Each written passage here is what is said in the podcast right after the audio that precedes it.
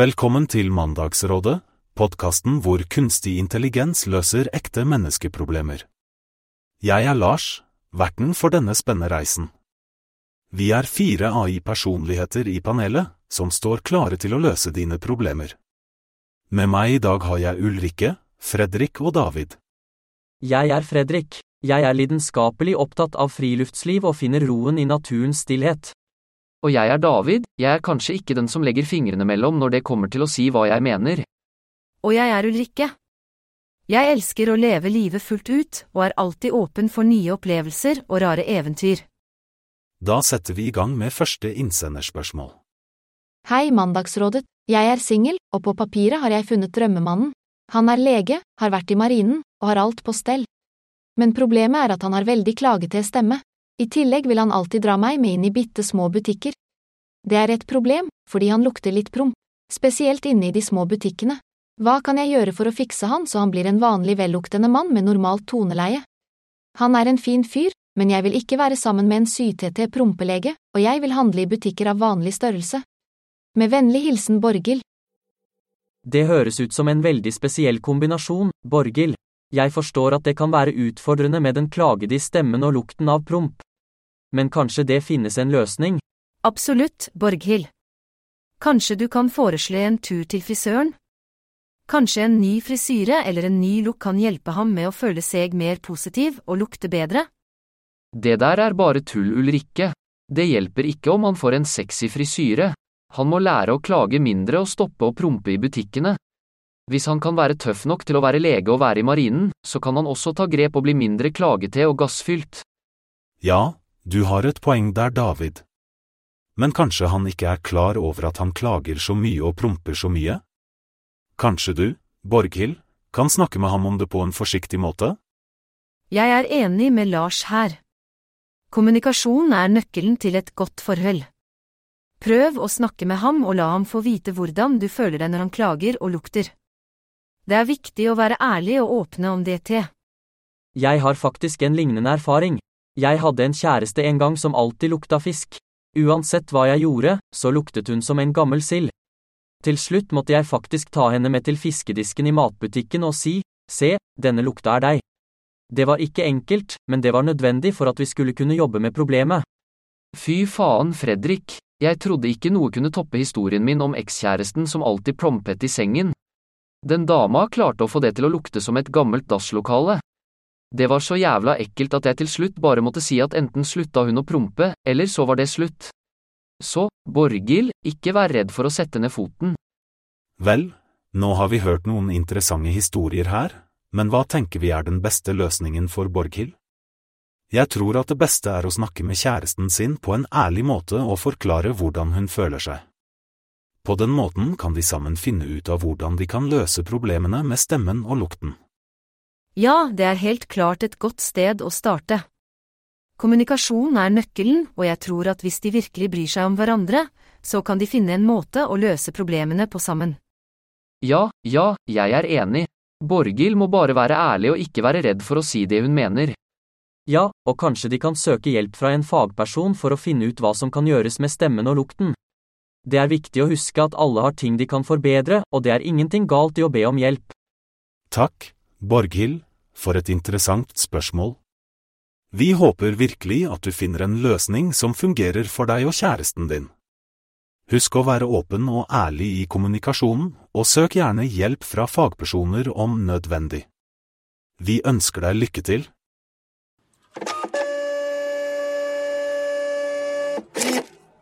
Hei, kjære hjelpere, jeg jobber på et kontor hvor jeg har mange dyktige kolleger, men jeg har en sjef som bruker altfor mange ord til å beskrive selv den enkleste ting. Mange ganger skjønner jeg ikke hva han mener, og av og til må jeg ha med en annen kollega som tolk. Hvordan kan jeg få sjefen til å bli mer konkret og si ting så jeg forstår? Hilsen Krabbe. Hei, Krabbe. Takk for at du sendte inn spørsmålet ditt. Det er virkelig en utfordring når sjefen går rundt grøten hele tiden. Jeg kan jo være ganske distré selv, så jeg føler virkelig med deg. La oss se hva de andre paneldeltakerne mener. Å, jeg kjenner så godt igjen det problemet. Jeg hadde en sjef en gang som snakket som en hel bok, og jeg virkelig glemte hva han i det hele tatt sa. Jeg måtte gå rundt og spørre alle andre om hva han mente. Ja, jeg forstår frustrasjonen, krabbe. Personlig er jeg en som liker stillhet og enkel kommunikasjon. Da kan jeg faktisk høre hva sjefen sier, og ikke bare svømme i en elv av ord. Svømme i en elv av ord? Og Fredrik, du er så poetisk. Men jeg skjønner jo hva du mener. Det kan være ganske vanskelig å konsentrere seg når sjefen bare babler i vei. Faen, høres ut som virkelighetens fuckings Snøhvit og de forbanna 87 dvergene. Kan ikke sjefen forstå at tid er fucking penger? Si det rett ut, mann. Hei, David, du er virkelig direkte som alltid.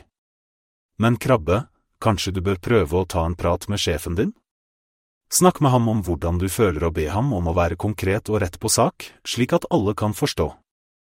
Det er viktig å ha tydelig kommunikasjon i en arbeidsplass. Ja, Krabbe, det er en god idé. Men hvis sjefen din ikke hører på deg, kan du jo alltids prøve å være like vag tilbake. Si ting som hm, interessant, men hva mener du egentlig? Kanskje han skjønner hvor frustrerende det er å ikke få klare svar. Vil Ulrikke, kanskje ikke alle er like glad i å spille spill. Jeg tror det er bedre å være direkte og tydelig. Si ifra til sjefen din at du ønsker at han skal si ting på en enklere måte, slik at alle kan følge med. Pokker, dere er enige en helvete sjelden gang, gitt.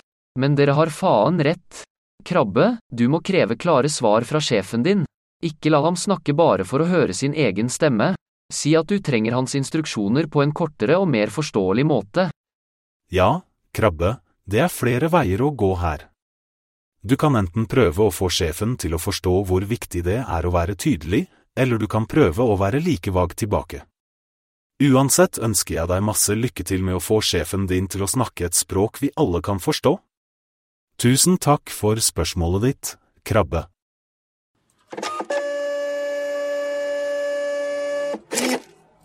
Kjære Mandagsrådet, jeg hadde en kjæreste i et år som det ble slutt med når jeg reiste til Spania for å studere. Forholdet vårt var litt rart, fordi vi var enige om at vi egentlig ikke var forelsket i hverandre, men at det var naturlig å bli sammen likevel.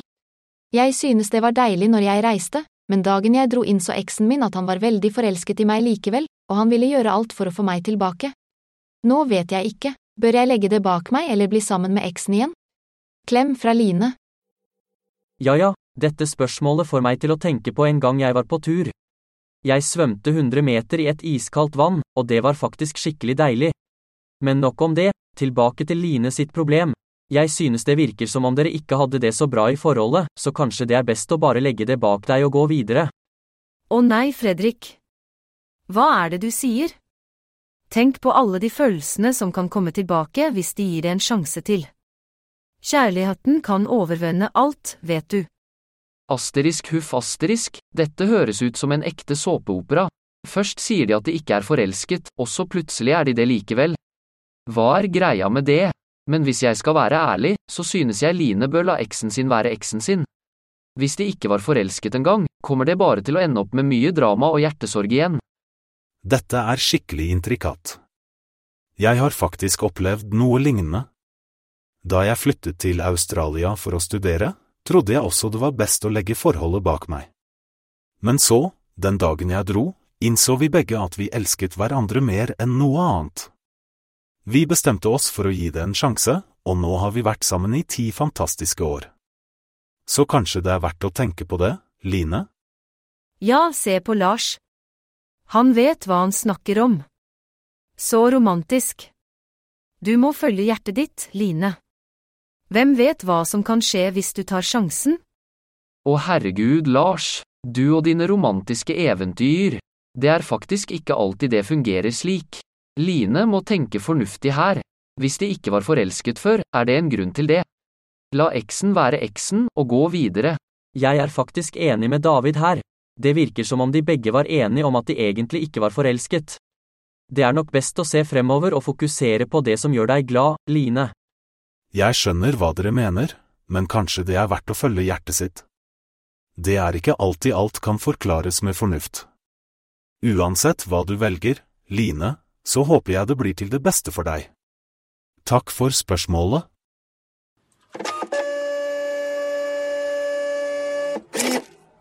Hei, jeg bor i kollektiv og hun ene jeg bor med er redd for å vaske. Vi har forsøkt å sette opp felles vaskeplan, men da ender hun opp med å bare koste over gulvet. Hun sier hun er redd for støvsugeren, og når noen tar den frem holder hun fingrene i ørene og gjemmer seg. Hvordan kan jeg få henne til å dra frem støvsugeren og vaske selv? Hilsen Somaya. Oh my god, hva er det egentlig hun er redd for? Støvsugeren er jo ikke farlig, den suger jo bare opp skitten. Jeg forstår ikke hvorfor hun ikke bare kan ta seg sammen og vaske som alle andre. Hvorfor skal vi tilpasse oss henne? Slapp av, David. Alle har jo forskjellige fobier og irrasjonelle redsler. Det er ikke hennes feil at hun er redd for støvsugeren. Ja, vi må jo respektere hverandres forskjellighet og finne en løsning som fungerer for alle. Kanskje vi kan prøve å gjøre det litt morsommere for henne å vaske? Morsommere? Hva faen mener du, Lars? Skal vi danse rundt og kaste konfetti mens vi støvsuger, eller? Nei, men kanskje vi kan spille musikk og danse litt mens vi vasker? Det kan kanskje gjøre det mindre skummelt for henne. Jeg liker den ideen, Ulrikke. Vi kan også prøve å vise henne at støvsugeren ikke er farlig ved å ta den frem når hun er i rommet, men ikke skru den på. Så kan hun se at ingenting skjer. Ja, det kan jo fungere det. Og så kan vi gradvis øke mengden lyd når hun blir mer komfortabel med støvsugeren. Vi må ta det i sakte tempo og ikke presse henne. Akkurat. Vi må være tålmodige og vise forståelse. Kanskje det også ville hjelpe om vi bytter på å vaske og gjøre det til en felles aktivitet, så hun føler seg mindre alene. Ja ja, vi får vel prøve det da. Men jeg lover ingenting, altså. Den dama må virkelig ta seg sammen. Takk for gode forslag, alle sammen. Jeg håper innsenderen får nytte av rådene våre og at hun snart kan overvinne frykten sin. Også takk til innsenderen for spørsmålet. Vi sees neste gang på Lars sin rare podkast.